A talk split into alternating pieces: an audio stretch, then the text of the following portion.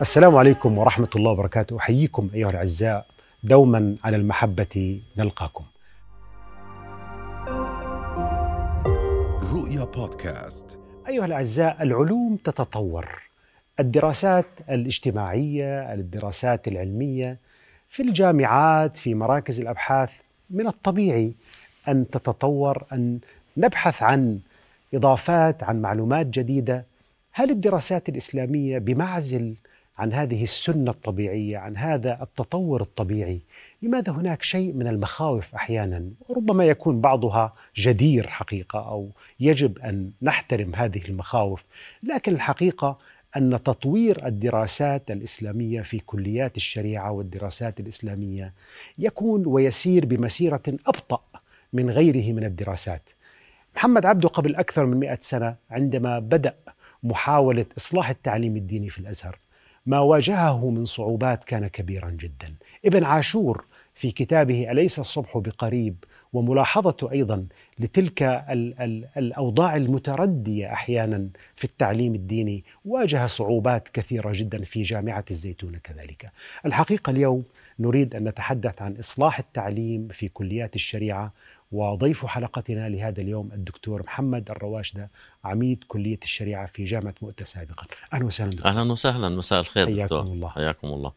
يعني دكتور بداية أهمية هذا التطور المعرفي هل كليات الشريعة والدراسات الإسلامية بمعزل عن هذا التطور الطبيعي للمعرفة البشرية؟ أول شيء اسمح لي حقيقة أن أتقدم بخالص الشكر وعظيم الامتنان للأخ الأستاذ دكتور عامر الحافي وفريقه في هذه يعني المحطة الرائعة على هذا اللقاء وعلى موضوعه المتميز. وبالتالي يعني سأكون حذرا وفي ذات الوقت متشائلا. كما يعني قلنا يعني متخوفا نعم الخوف متشائلا. المشروع نعم الخوف المشروع. نعم متشائلا في هذا الأمر. والحديث حقيقة عن كليات الشريعة وما تقدمه من خدمة للمجتمع وللأوطان وللعلوم بشكل عام. هذا حديث مهم خالص وبالتالي لا يمكن فصله عن التعليم العالي ابتداء وواقعه ومأموله. وليس كذلك من المستحسن عدم فصله كذلك عن الجامعات وأداء وظيفتها في الراهن المعاصر.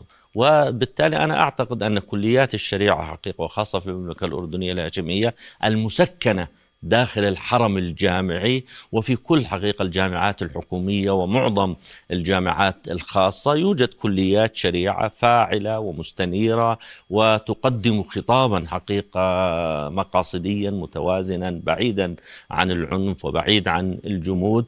أعتقد أن هذا شيء يذكر و يقدم الشكر للقائمين حقيقة على كافة ملف التعليم العالي أن وجود يعني وهناك كان هجمة يعني في سابق الأيام على إخراج كليات الشريعة خارج الجسم نعم. الجامعي وهذا يضعفها ويجمدها ويشل حركتها ويبعدها حقيقة عن الحراك المعرفي والثقافي داخل يعني دكتور إحنا لا شك الجامعي. يعني لسنا بمعرض أن نقلل من أهمية ومن مكانة التعليم الديني ودراسة الشريعة ولكن من أجل هذه الكليات. ألسنا نحن كأفراد ونحن يعني أساتذة في جامعات أردنية. جميل. ألسنا نشعر أحيانا بأننا بحاجة إلى تطوير معارفنا حتى على المستوى الشخصي وبالتالي كليات الشريعة. ألسنا أحيانا نشعر ببعض الجوانب التي تحتاج إلى تطوير برامج جديدة مواد جديدة. هل التجديد في برامج التعليم في كليات الشريعة هو ضرورة داخلية أم أننا سنبقى نخاف من هواجسنا ومخاوفنا؟ يا دكتور يعني هنالك خواف. هنالك خواف حقيقة مما يحصل في كليات الشريعة خواف خارجي وخواف داخلي لكن القائمون على كليات الشريعة. وأنا أرجو أن أضبط المصطلح. جميل. هل هو إصلاح؟ هل هو تجديد؟ نعم. أم عملية يعني إعادة بناء منظومة معرفية لكليات الشريعة وإعادة الوظيفة نعم. الوظيفة حقيقة التي تقدمها كليات طب ما هي الوظيفة دكتور؟ يعني الوظيفة هل نتكلم عن مؤسسة دينية نعم. وبالتالي فكر ديني محدد تقوم به مثلا مؤسسة الإفتاء تقوم به وزارة الأوقاف أم أن المطلوب هو بحث أكاديمي وحرية أكاديمية وأنا قرأت الحقيقة لديك بحث ممتاز في هذا الموضوع ورأيت هناك أيضا تركيز على جوانب معرفية يجب أن تكون في هذه الكليات وليس تقرير ومقررات يعني دينية بقدر ما هو بحث علمي وأكاديمي أنا أعتقد يا دكتور عامر أن كليات الشريعة حقيقة من أهم كليات الجامعة. باعتبار أنها تمثل النموذج والقدوة والأسوة لكل منسوبي الجامعة سواء كانوا أكاديميين أو آه، هم الذين يأخذون ويتلقون العلم أو إداريين في هذا الأمر. لماذا تستمد هذه الأهمية من الوظيفة المسندة إليها نعم. ابتداء؟ وهذه الوظيفة هي وظيفة معرفية. ووظيفة إصلاحية ووظيفة حقيقة نوع من التميز والتغيير الاجتماعي في البنية الفكرية للمجتمع كاملا وبالتالي جميل. إن تخلت هذه إذن هي ثلاث محاور كما نعم ذكرت. نعم طيب لو نعم. بدأنا بالجانب المعرفي نعم هل يعني است... يعني نستطيع أن نقول بأن الأهداف المعرفية لكليات كليات الشريعة من هو الخريج من هو الهدف من هي شخص هذه الشخصية التي نريد تكوينها؟ وهل استطعنا أن نكون هذه الشخصية التي تستطيع أن تقف اليوم في القرن الواحد والعشرين تتحدث عن قضايا معاصرة في قضايا الأخلاق المعاصرة في قضايا ال- الحرب والسلم في حوار الثقافات في عرض الإسلام عرضا عميقا ومقنعا لغير المسلمين؟ هل استطعنا تخريج هذا الطالب بهذا المستوى؟ يعني إلى حد آه، أنا متشائل أنا متشائل يعني في الوسط. نعم, نعم. في الوسط آه، حقيقة الدور الذي تؤديه كليات الشريعة في الحرم الجامعي هو دور كبير جدا نعم. لكن آه، لا يمكن إغفال المعيقات والتحديات والعوائق التي تواجه كليات والمكملات. الشريعة والمكملات, والمكملات. وغيرها التي تواجه كليات الشريعة. هذا إذا اعتبرناه حقيقة يعني في في أبعاده الأيديولوجية اللي هي خارجية والاجتماع. دائما. هناك خارجية وهناك داخلية. المنظومة كاملة. المنظومة عالمية كاملة. حقيقة الوظيفة الأساسية لكليات الشريعة هي إعداد المواطن الصالح. المواطن المسلح بالمعرفة بالثقافة بمعرفة المقاصد العامة للشريعة الإسلامية. مقصد الحرية ابتداء المحافظة على الحرية المحافظة على الأمن المحافظة على النفس المحافظة على العقل المحافظة على الصحة المحافظة على المال على على النسل على غيرها.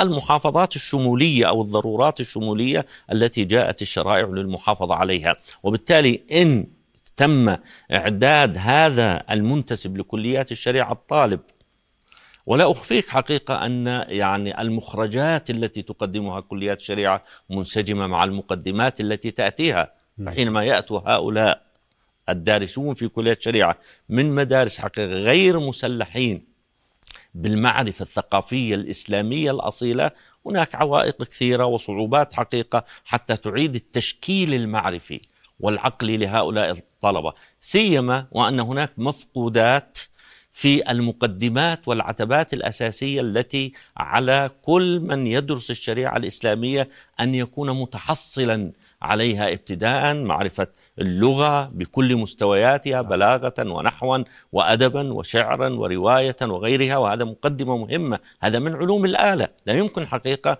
أن تفهم علوم الشريعة إلا بعلوم اللغة أو لو بقينا وآدابها. لو بقينا في العلوم أو نعم. المعارف التي تدرس دكتور م. وأنت حقيقة يعني أشرت إشارة ممتازة لموضوع اللغة يعني اليوم هل من المعقول أن طالب م.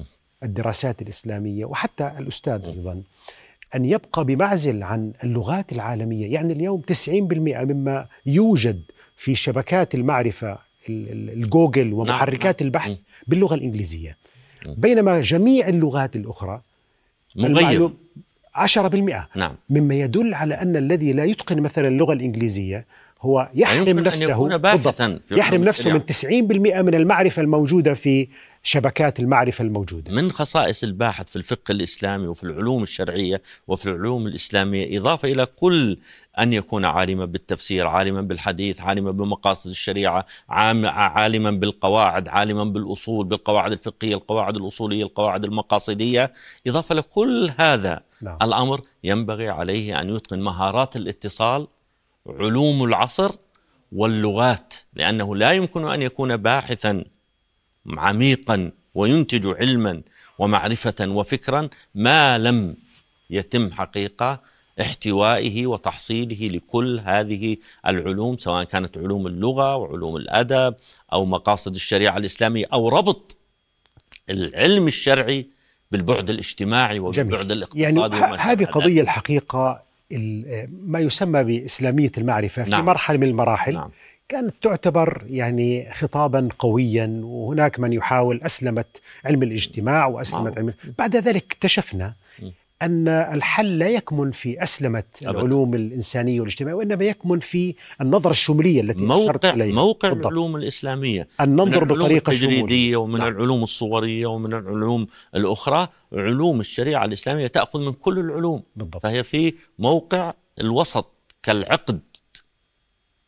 فهي تأخذ من كل العلوم. ول- ولذلك لا يمكن فصل العلوم الإسلامية. كل المقدمات في كتب الفقه الإسلامي وكتب الأصول تبدأ حقيقة في علم الكلام أولا وعلم المنطق ثانيا ثم السيرة ثم ثم ثم حتى التاريخ ثم تأتي إلى أبواب الفقه الإسلامي. وانظر إلى هذه الشمولية في بالضبط القوانين الفقهية لابن جزي المالكي في غيرها من حقيقة طيب كل دكتور محمد يعني المدونات الفقهية. بعض طبعا نحن حديثنا هو ليس بالأحكام لا نحكم على طبعاً. لأنه هناك جامعات لا- وكليات لا- لا، في وصلت المطلق. مستويات راقية طبعاً، جدا طبعا. لكن هي مراجعة من الداخل أحسنت ومراجعة تقوم على خبرة وعلى ألم أحيانا بال- لأننا نعيش أيضا كما ذكرت بالتأكيد. يعني تجارب بالتأكيد. مختلفة في نعم. عالمنا العربي م. يعني على سبيل المثال تدريس ال- العلوم الاجتماعية م. يعني إلى متى سنبقى آه، نستبعد دراسة علم الاجتماع الديني وعلم النفس الديني وذكرت أنت المنطق المنطق حتى الآن هناك حتى بعض الكليات أو كليات الشريعة في العالم الإسلامي عموما من بعيدة يرفض عن من يرفض المنطق نعم. من يرفض تدريس الفلسفة الفلسفة. حتى الفلسفة. الإسلامية وليست نعم. الفلسفة المدارس الأخرى غيرها. نعم وبالتالي هذه المصالحة مع العلوم الإنسانية كيف نحقق هذه المصالحة كيف ندعمها كيف نزيد من هذا دكتور. الوئام بين العلوم الإسلامية جميل. والعلوم جميل. الاجتماعية هناك انفصام. وقد أثر هذا الانفصام في الستينيات في السبعينيات إلى بداية الثمانينيات بعض القائمين بعض القائمين من الأكاديميين ومن المسؤولين في الأردن وفي غير الأردن على الحقل الديني. ولذلك قالوا يعني آه، بل أبعدوا النشء وكرهوا معظم الدارسين في علم التربية وفي علم النفس وفي علم الاجتماع واعتبروه جاء من البلاد الكافرة وغيرها وحصل انفصام نكد. نعم. ما بين علوم الشريعة حتى أن الدارسين والمتخرجين. من كليات الشريعة ينظرون إلى هذه العلوم وطلابها وأساتذتها نظرة ازدراء ونظرة تكاد يعني إلى الوصول إلى حد التكفير جزء من الغزو. الثقافي والغزو نعم واعتبروه الفكري. أحسن يعني ألا تلاحظ أن بعض الجامعات مثلا في المغرب العربي وأنت كثير ما تشارك في المؤتمرات والندوات. هناك تفاوت طبعا بين كليات الشريعة في مستوى تقبلهم. لهذه العلوم الإنسانية والاجتماعية. لماذا برأيك الجامعات والكليات في المغرب العربي كانت أكثر استيعابا لهذا التطور والتغير منها في المشرق العربي؟ يا سيدي أول شيء الفلاسفة والمقاصديون كانوا من المغرب العربي. مغاربة. المغاربة ابن رشد وابن عاشور وصاحب الموافقات وغيرهم حقيقة في هذا الأمر. وأنا رأيت في في تونس وفي المغرب حقيقة حتى في جامعة الزيتونة رأيت أن هنالك تقاربا في المناهج وفي المواد التي تقدم في كليات الشريعة فيها علم الكلام وفيها المنطق وفيها اللغات. نحن في كليات الشريعة في المملكة الأردنية الهاشمية نقدم مادة واحدة هي مقدمة في علم النحو أو نحو واحد. نحو واحد فقط في اللغة في كليات الشريعة. وبالتالي لابد هنالك أزمة جوهرية في المساقات والمواد التي تعلم في كليات الشريعة وبالذات في المشرق العربي نعم. وعلى وجه الخصوص في كليات الشريعة في المملكة الأردنية الهاشمية. المناهج التقليدية المناهج المناهج التقليدية التلقينية هي السائد في كليات الشريعة. نحن بحاجة الآن إلى العمل حقيقة أو آه، أن نحصل أدوات لتفكيك جميل. هذه المناهج على عظمها وعلى أهميتها لكن لا بد أن يوازيها علوم أخرى لأن العالم يتطور العالم يتغير. لابد من ولذلك الخطوة الأولى في ضبط المصطلح. إحنا بنسميها كليات شريعة. نعم. ولما بتنظر إلى كليات شريعة يعني كإيش؟ هل هي تسمية, تسمية الم... دقيقة؟ نعم ليست دقيقة. يعني هناك من يقول دقيقة. العلوم الشرعية أنا لا أميل أنا لا أميل بالضبط. إلى أن نسمي أنا شخصيا من خبرتي حول 30 عام يعني لا أميل إلى أن نسميها كليات شريعه ما هو المحذور؟ نعم. ما هو المعنى الملتبس الذي يمكن أن يجول في الخاطر أو في مفهوم النفس؟ الشريعة.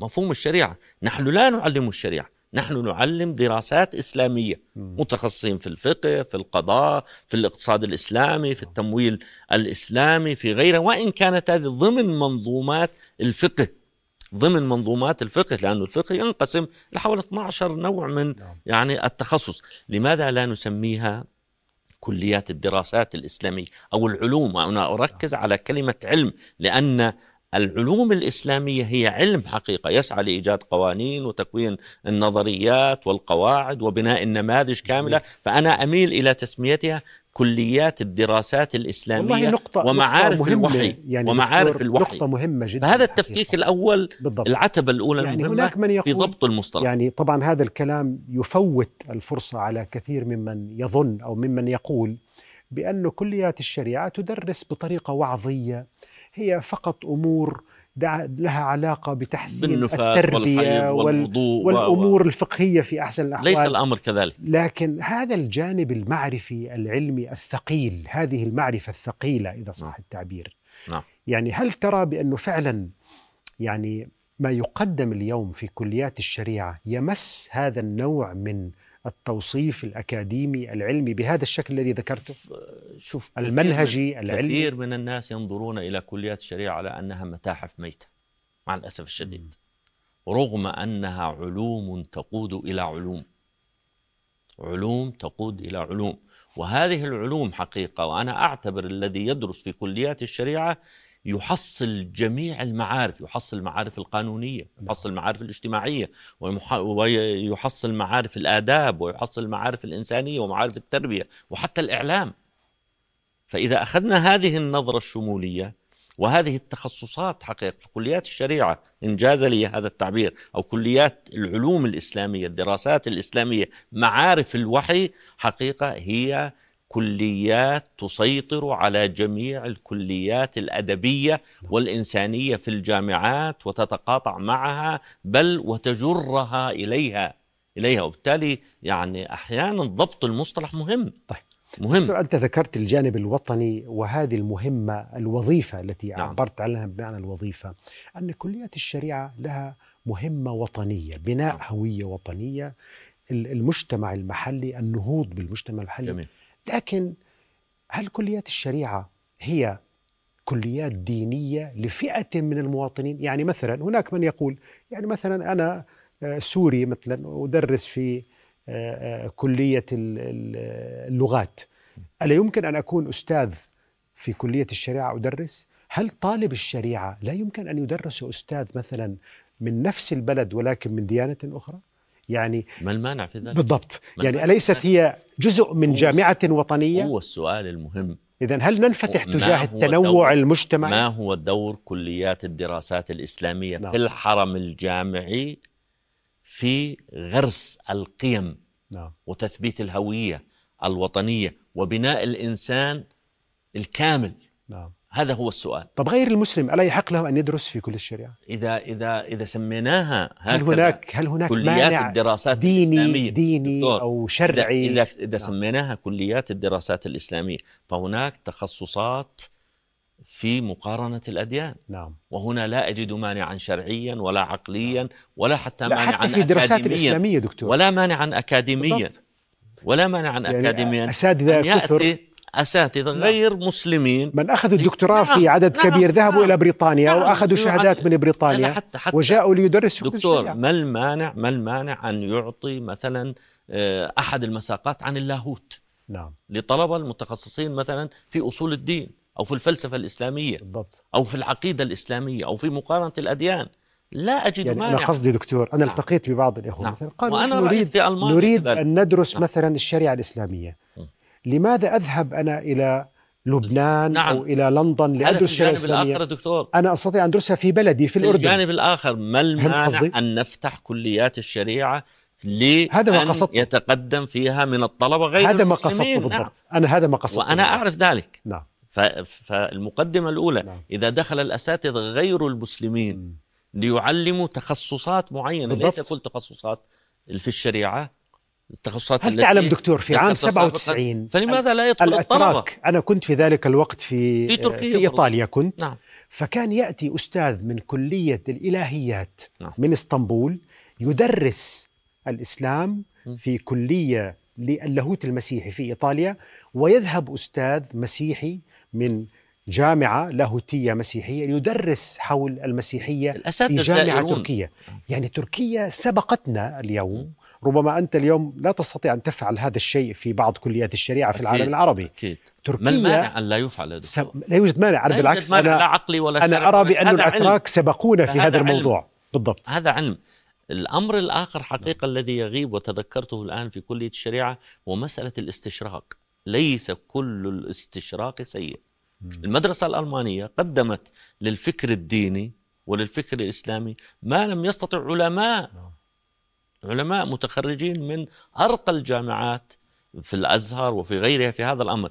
لكن الفكر الاستشراقي حتى مساق لا يوجد مساق في كليات الشريعة سواء في أصول خوف من الدين. الاستشراق. لا هل الصراع ولذلك المناهج. الاستعماري وأجواء الاستعمار ما زالت فرضت مسيطرة. نفسها- نعم، بالضبط. ما زالت م... طب ك... نحن- متى نتحرر من هذه المخاوف؟ مناهجنا يا دكتور يعني لا فرق بين المناهج التي تقدم في كليات الشريعة سواء داخل الوطن أو خارج الوطن فكلها يعني إيش كاملة ومتساوية ومتشابهة إلى حد كبير نعم. فالمناهج التي تعلم في الأردن نفس المناهج التي تعلم في دمشق نفس التي تعلم في الأزهر الشريف نفس التي تعلم في المملكة العربية السعودية وغيرها بالمطلق العام في المطلق العام تتفاوت المساقات وتتفاوت لو أخذنا دكتور الأمر. جانب جانب الأدب الإسلامي الشعر والأدب. هو مغيب في كلية الإمام الشريعة. الشافعي كان شاعرا. نعم.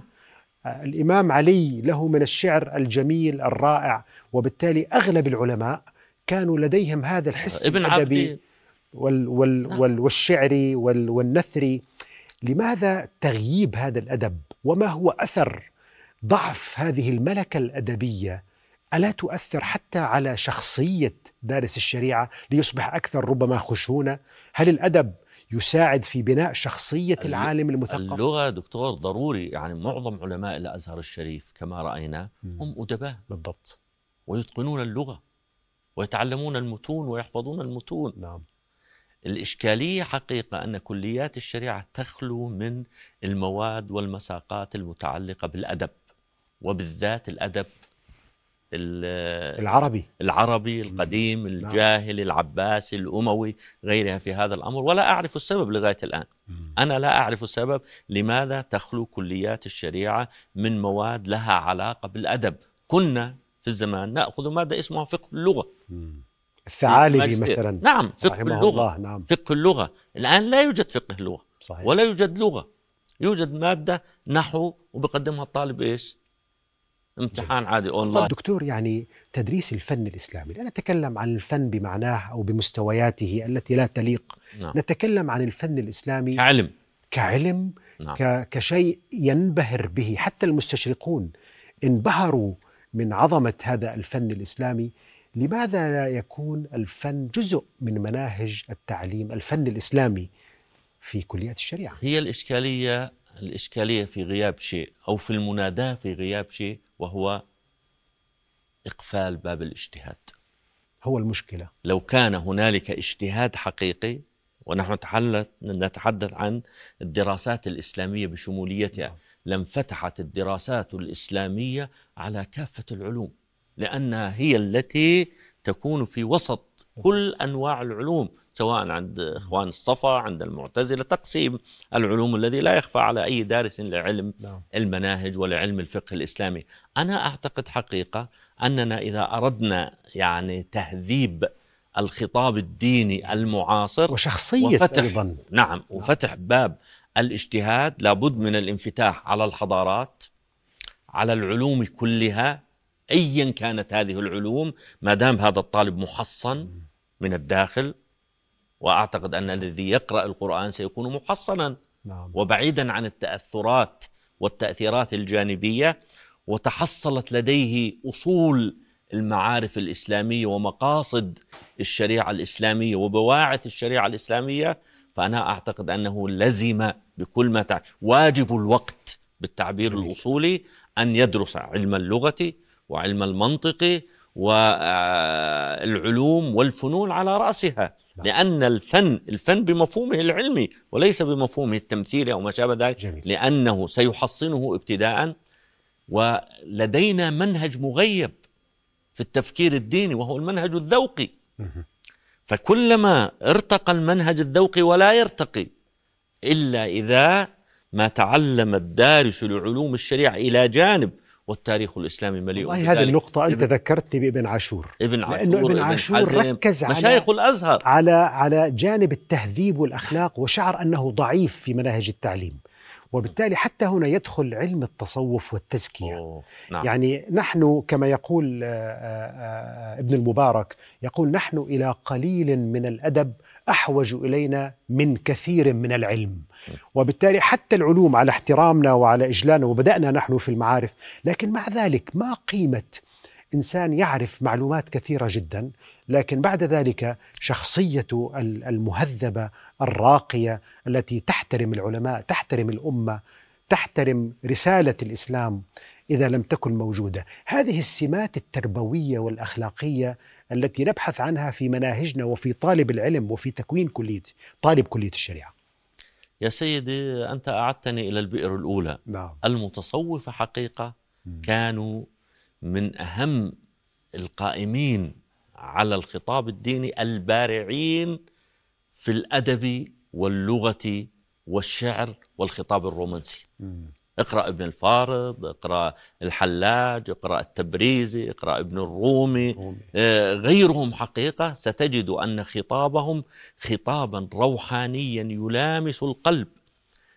الأمور التي تحف في الفكر الروحاني في الفكر الروحاني هي مستقاة من الفن نعم. من العلوم والفنون التي أتقن. بل أن ابن عابدين والإمام الغزالي في المستصفى يسمي علوم الشريعة هذا الفن. اقرأ مقدمة المستصفى. نعم. نعم هذا الفن. تصور لحد وين؟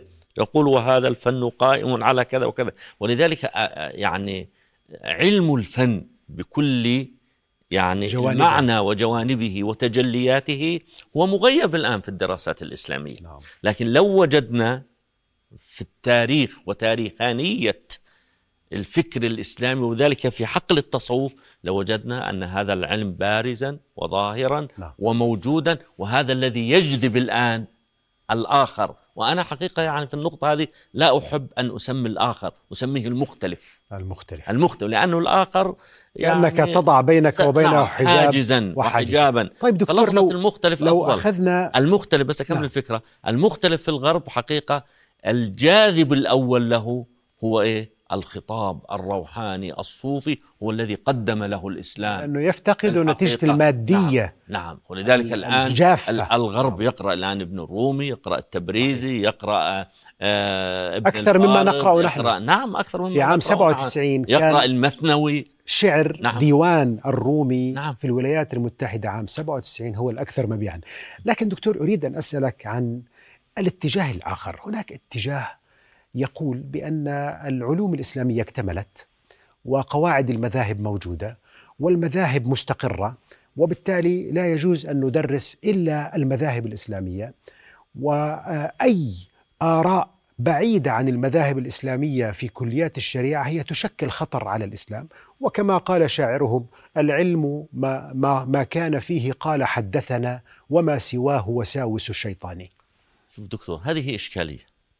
في الخطاب الديني المعاصر وإشكالية في التفكير الديني وإشكالية في المنهج والمنهجية القائمة عليها كليات الشريعة نعم. أنا أعتقد أن وجود المذاهب وأسميها المدارس الفقهية هي عاصم من الانفلات المعرفي وحتى يعني نحافظ على هيكلية نعم. حقيقة الأحكام الشرعية والقضائية وما شابه ذلك فأنا مع وجود المذاهب الفقهية لكن في المقابل حقيقة في المقابل أن يكون أن هناك ما يزيد عن هذه المذاهب. أن هذه المذاهب الفقهية مدارس متجاورة غير متناحرة مكتملة لأن المعرفة أصلها التراكمية. لكن لم تكتمل لم تكتمل. هي هذه المذاهب الفقهية تتطور. الفقرية نعم. هذه المذاهب الفقهية هي لا تعدو أن تكون مفو... هي لا تعدو أن تكون فهومات للنص المقدس. بالضبط. النص المقدس بالضبط. المتعالي المحفوظ هو المركزية الأساسية. الآن كلما تغير الزمان ولا ينكر تغير الأحكام الظنية طبعا أضيف إليها بتغير الأزمان وكلما حصل التطور وكلما حصل التقدم نحن بحاجة إلى أدوات وآليات ووسائل لتفكيك هذا النص المقدس الصالح لكل زمان ومكان. وبالتالي أنا أعتقد أن المذاهب الفقهية هي الأساس الذي ينطلق منه إضافة إلى أنه حقيقة إذا قلنا أنه لا يجوز الخروج على ما هو موجود في المذاهب الفقهية نعود إلى الإشكالية الأولى نعود إلى المربعة الأولى وهي قفل باب الاجتهاد والمناداة بقفل باب الاجتهاد أمر بس خلينا نعم. نعم. أمر خطير يستدعي إلى نسخ الشريعة جميل جدا. والشريعة إذا تم نسخها معناته أن النبوة مستمرة وهذا حقيقة إيه؟ يعود بالإبطال على جميل. أن النبوة انتهى فإذا إيش المذاهب الفقهية الأساس العقل متطور ولا تعارض بين المنقول والمعقول نعم. وبالتالي باب الاجتهادي طيب. إيه؟ دكتور حديث معاذ وهو حديث معروف في عليه إشكالية الحديث هذا أصلا معناه معنى. نعم في عليه لما قال له بماذا تحكم؟ قال بكتاب الله قال فإن لم تجد. بالقياس. هي كلمة لم تجد تفتح أمامنا البحث عن مصادر متعددة وتنوع وتعدد مصادر. فقال بسنة قال فإن لم تجد قال أجتهد رأيي. وبالتالي هذا التنوع لماذا نحصر أنفسنا بتراث فقهي محدد وتاريخي دون أن وأنت طرحت فكرة جميلة الحقيقة. أنت لم تتوقف عند المذاهب على أنها هي الإسلام وإنما هي يعني جزء من التراث الإسلامي. لكن الحقيقة دكتور الاعتقاد بأن كل مذهب هو الإسلام هو المشكلة الحقيقة. يعني هناك من يقول لك بأن ما أقره علماء الشافعية أو المالكية أو غيرهم هو الإسلام. طيب كيف تنظر إلى بقية المذاهب؟ فكرة الثوابت دكتور هنا سؤال الحقيقة. فضل. فكرة الثوابت. أن نقول بأن كل فكرة دينية في هذا المذهب هي من الثوابت ولا يمكن أن ننفتح باتجاه رأي آخر أو فكرة أخرى خطورة تضخيم الثوابت ألا ترى بأنها مشكلة؟ من خصائص الشريعة الإسلامية الثبات والتغير والإنسانية والعالمية وغيرها المذاهب الفقهية ليست محصورة في المذاهب الفقهية الأربعة. الأساسية الأربعة مم. أنا أستطيع أن أعد لك 12 إيش؟ من المذاهب الفقهية. الحنفية والمالكية والشافعية والحنابلة والظاهرية والاثنا عشرية الجعفرية والزيدية والإباضية والحسن البصري والامام زيد وابن جرير الطبري والأوزاعي وغيرهم. عشرات. عشرات المذاهب الفقهية. لكن هذه التلاميذ والليث هم الذين أفقه من نعم، مالك. نعم أفقه من مالك. إلا أن نعم. أصحابه نعم ضيعوه. حتى أصحاب المذاهب لا يستطيع. أمرين أنا بدي أتحدث فيهم أو أمران يعني أريد أن أبينهما. الأمر الأول حقيقة أن أصحاب المذهب أبو حنيفة لا يقول لك أنا حنفي مذهبي حنفي نعم. ولا مالك ولا غيرهم ثم أنه يوم القيامة لا يسالنا ربنا سبحانه وتعالى جميل. يسالنا من إلهك ما دينك من نبيك ما كتابك ما غيرك وبذلك هي عبارة عن مدارس فكرية ثقافية تقدم تفسيرا للنص الديني وبالتالي هذا النص الديني مفتوح على كل الاحتمالات مجازا جميل. وتأويلا وغيره ويستطيع الدارس حقيقة جميل. مع احترامه نعم. لكل ما سبق التراث الفقهي التراث التفسيري التراث التأويلي التراث الحديثي غيره دكتور تدريس الفرق الإسلامية يعني هناك من يقول أن ما يدرس في بعض كليات الشريعة عمق الفجوة بين المسلمين وجعل المسلم هذا أستاذ سلفي هذا أستاذ صوفي هذا أشعري هذا ماتريدي هذا شيعي هذا سني. أريد أن أتوقف. كيف يمكن أن ندرس الفرق الإسلامية بطريقة تلتئم فيها جراح الأمة وتعود أمة التوحيد لتكون أمة التوحيد حقيقة؟ إنه تعليم الفرق الإسلامية.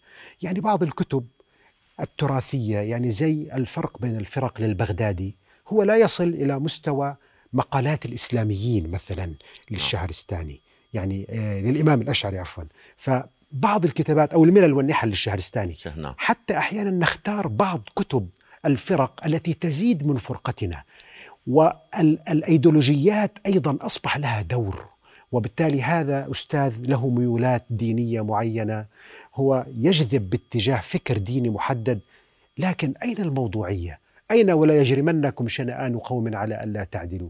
كيف نتعامل مع هذه القضية؟ ابتداء أنا أعتقد أن العلماء العلماء القائمون على التعليم الديني هم الأساس نعم. وينبغي اختيارهم كما بدقة. يختار القضاة فالقاضي محايد بعيد عن أي أيديولوجية سياسية أو اجتماعية وهكذا ينبغي أن تكون يعني آلية اختيار الأساتذة القائمون على التعليم الديني في الجامعات هذه مقدمة الآن أنا حينما أدرس لا بأس أن أدرس كل شيء.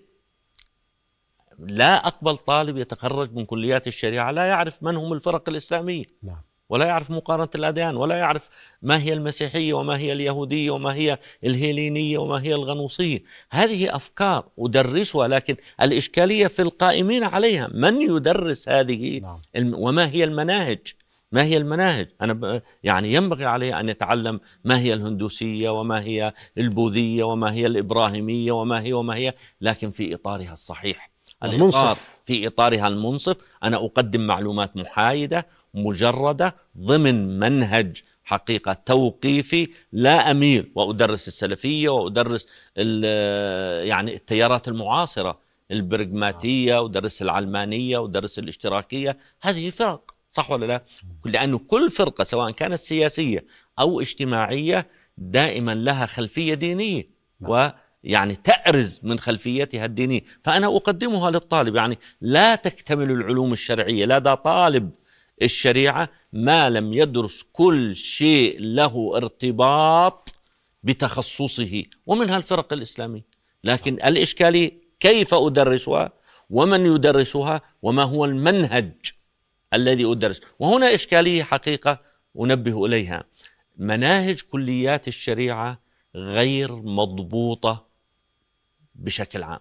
فينبغي إيجاد حقيقة مناهج يشترك فيها كافة أساتذة الشريعة. أول شيء توحيد مناهج الشريعة في كليات الشريعة. هذا شيء مهم مهم. ثانيا هناك لجان ينبغي أن يكون هناك لجان تقوم من الأساتذة والخبراء سواء كانوا في في علوم اللغة أو في الشريعة أو في كافة تخصصات العلوم الشرعية على إيجاد مناهج كاملة ضمن مواصفات معينة. أنا بدي أو يعني أوحد الخطاب الديني. في المملكة الأردنية هاشم فما بصير الطالب عندي متخرج في جامعة موتى يحمل فكرا غير الطالب المتخرج في جامعة آل البيت غير متخرج في اليرموك في الأردنية في العلوم التطبيقية في غيرها في في العلوم الإسلامية العالمية. ابن عاشور نعم. في كتابه أليس الصبح بقريب؟ أيضا هو نعم. كتاب رأيت نقد ومراجعة. طبعا. يقول أن آه انعدام حرية النقد. يعني أن من مشكلات التعليم الديني لا يوجد حرية في النقد. طبعا نقد ما يستحق النقد. جميل. نقد الأفكار الخاطئة. ويوصي بأن لا يكون هذا المستوى للطلاب المبتدئين أو المتوسطين في المعرفة. وبالتالي هو يقول أن النقد الثقيل والنقد العلمي يجب أن يكون للطلاب الدراسات العليا أو في مراحل متقدمة من التعليم الديني، لكن أنا أريد أن نتوقف عند فكرة النقد. وملكة النقد جميل. وعلم النقد اصلاح التعبير. جميل، سيدي أنا أعتقد أن في كل المساقات التي تقدم في كليات الشريعة تحتوي جانبا من هذا العلم. تحتوي جانب من هذا. حينما أدرس مادة الحوار ومع الأسف الشديد لا يوجد في كليات الشريعة معظم كليات الشريعة لا يوجد فيها مادة عن الحوار ولا مادة عن فلسفة الأخلاق في الإسلام. حينما أدرس مادة الحوار أنا أعلم الطلبة النقد. وأعلمهم التفكير الناقد وأعلمه التفكير الموضوعي. حينما أدرس في مادة الدراسات الفقهية المقارنة أعلم الطلاب أن يأتي بالمسألة صورة المسألة الرأي الأول أدلة الرأي الأول الرأي الثاني أدلة الرأي الثاني مناقشة الرأي الأول مناقشة أدلة الرأي الثاني الخلوص إلى إيه؟ الرأي المختار الراجح. والرأي الراجح في هذا الأمر.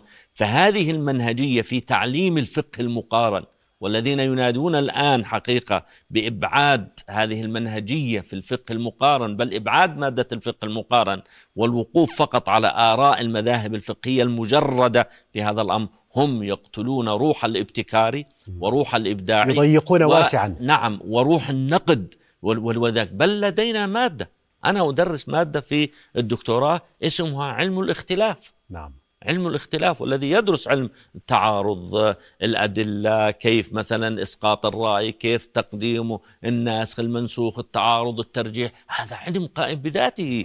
فلذلك هذا العلم كله ينمي ملكة التفكير ملكة النقد وملكة الحوار والمناظرة والجدل. نعم. هذه العلوم حقيقة هذه العلوم علينا وإن لم تكن مساقات مستقلة إدخالها في موادنا خاصة في المواد الفقهية ومواد أصول. جميل. آه دكتور لو اتجهنا ولم يبقى إلا يمكن دقائق معدودة. لا لا يعني حتى حتى الحديث يعني والوقت يمر بسرعة الحقيقة. يعني حتى الأستاذ الجامعي يعني تحدثنا عن الطالب عن المناهج كثيرا لكن أحيانا البحث في القضايا الجديرة بالبحث يعني البحث في قضايا للأسف غالبا ما نجد قضايا مقتولة بحثا ومواضيع جزئية وفرعية في مقابل أن هناك قضايا في غاية الأهمية للأمة لتطوير مناهج التعليم، مناهج البحث. فلماذا هذا الاتجاه نحو الأبحاث السهلة أو المواضيع اللي هي يعني منتهية دون أن نذهب للقضايا التي هي أكثر عمقا وأكثر احتياجا؟ يا دكتور يعني السوق عايز كده. أيوه. السوق عايز كده. يعني المصلحة الفردية؟ نعم المصلحة الفردية والمنظومة التعليمية مسائل الترقية. بقول لك حتى تمشي أمور الترقية لا تبحث في قضايا نعم، جديدة أو قضايا نعم. التخصصات والمحكمين أحيانا مع الأسف الشديد. نعود إلى إشكالية مواصفات الأستاذ الجامعي وخاصة في حقل العلوم الإسلامية. نعم. هي المواصفات تكاد أن تكون يعني بعيدة عن المأمول. نعم. فإذا أوجدنا استاذا جامعيا حضاريا منفتحا لغويا يفهم المختلف يتحاور مع الآخر لا يقدس التراث وإنما يحترم التراث. يحترم الاحترام غير ويعي التراث. نعم يعي التراث يفكك التراث. نستطيع حقيقة أن نوجد منهجية علمية صارمة وبالتالي إيه؟ المنتجات جميل. ستكون أكثر من هذا الأمر. فأنا برضو لا أستطيع الآن يعني عدت لتكون متفائلا في نهاية هذه الحلقة يا دكتور محمد شكرا لك. جميل. أشكرك الحقيقة الله يبارك فيك. شكرا, شكرا. جزيلا. شكرا. بارك الله يعني فيك. على هذه التجربة. وأنا أعي بأنه كثير مما قلته هو نتيجة تجربة طويلة في مجال الله. تدريس الشريعة قرابة 40 سنة ربما. 40 كبرنا يعني 29 سنة. 29 سنة من تدريس نعم. الشريعة في كلية الشريعة. شكرا جزيلا دكتور محمد الرواج شكرا على اللقاء وبارك الله فيكم. آه، رفقائك الطيبين. شكرا شكرا. الجميلين. أيها الأعزاء إلى أن نلقاكم في حلقة أخرى أستودعكم الله